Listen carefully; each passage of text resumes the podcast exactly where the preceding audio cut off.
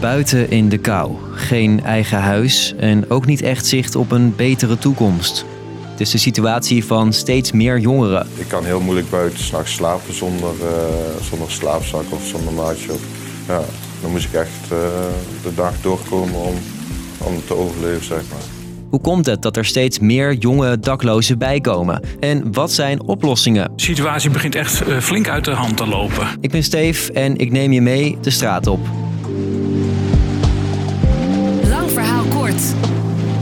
podcast van NOS op 3 en 3FM. Er zijn veel manieren waarop je dakloos kunt worden. Neem Jasper van 22.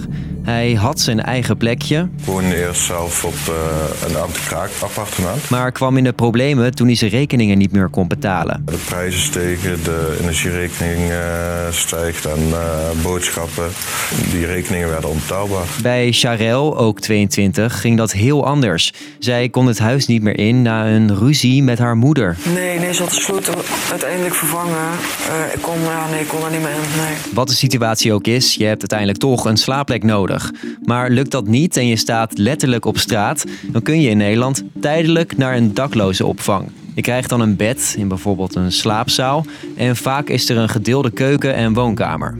Ze doen hier spelletjes, we hebben een voetbaltafel. Ze kunnen hier schaken, ze kunnen hier tv kijken. Het is dus een tijdelijke opvang. Want uiteindelijk is het de bedoeling dat je een vaste woonplek vindt. Jasper, die je net al even hoorde, heeft daar flinke stress van. Dat is heel heftig. Je leeft uh, iedere dag in onzekerheid van waar je komt te slapen en uh, hoe je de tijd door moet komen. Leven zonder huis is sowieso heel stressvol en beïnvloedt eigenlijk alles, zegt Charel. Zolang je hier bent, sta je eigenlijk stil. Of althans, zo voelt het alsof je niet verder komt. Met je doelen of in je leven, zeg maar. Je hoort het, dakloos worden, het kan eigenlijk iedereen overkomen. En de laatste tijd dus steeds meer mensen. En er zitten veel jongeren tussen.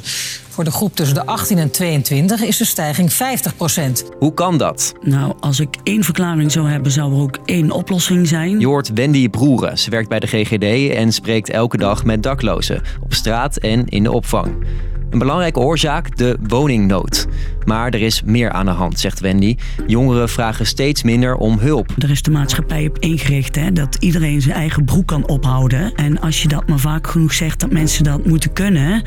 en je bent al niet zo heel erg zeker van jezelf. en je kunt dat ook al niet, is de drempel om hulp te vragen veel moeilijker. En dat alles zo ontzettend duur is, speelt ook een rol, zegt Wendy. Als je heel veel stress hebt of je het eind van de maand wel haalt en je nog eten kunt kopen dan, dan zit je anders s'avonds op de bank dan dat je bij elke voetbalwedstrijd een uh, borreltje kunt uh, pakken en een nootje erbij kunt zetten. De politiek zoekt al heel lang naar oplossingen. Luister maar naar dit journaal van ruim drie jaar geleden. De bedoeling is dat in 2021 geen enkele jongere nog op straat of in een opvang leeft. Nou ja, dat is dus niet gelukt, dus is er een nieuwe aanpak nodig. Dat zegt Maarten van Ooyen. Hij is de staatssecretaris die erover gaat. Hij sliep undercover een nachtje in een opvang. Ik heb hier geslapen vannacht omdat ik echt die rauwe werkelijkheid wilde horen van mensen zelf. En kwam daarna met nieuwe plannen. Die zijn gebaseerd op een project uit Finland. Housing First heet het. Melanie wil dat plan in Nederland uitvoeren. Dat we afstappen van opvang en tijdelijke woonvormen en dat we mensen direct een woning bieden. Ik hoor je denken, direct een woning? Hoe dan? in Finland hebben ze daar dus echt uh, met grof geschut op ingezet. Dus ze zijn uh, woningen gaan aankopen voor dakloze mensen, uh, woningen gaan bouwen, ook panden gaan transformeren. Ze zijn de opvangcentra gaan ombouwen naar zelfstandige appartementen en hebben mensen daar huurcontracten gegeven. Maar ja, in Nederland zijn al te weinig woningen. Het kabinet wil voor 2030 zo'n 900.000 woningen bouwen, maar dat gaat voorlopig nog niet erg vlotjes. Tot die tijd zijn er misschien dus andere creatieve oplossingen nodig, zoals die van Fabian. Concreet houdt het in dat wij bezig zijn om dak- en thuisloze mensen te faciliteren om hun eigen tiny houses te bouwen. Mensen gaan zelf meehelpen bouwen, uh, zodat je zelf kan bijdragen aan de oplossing. Begin 2023 hopen ze de eerste huisjes af te hebben. Ondertussen is het belangrijkste volgens Wendy van de GGD dat jongeren om hulp blijven vragen, dat de hulpverlening ook voor iedereen de deuren open houdt en dat de drempels zo laag mogelijk zijn.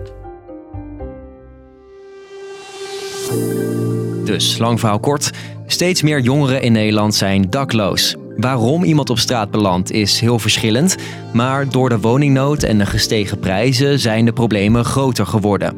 De politiek wil het vooral oplossen door meer woningen te bouwen, maar dat kan nog wel even gaan duren.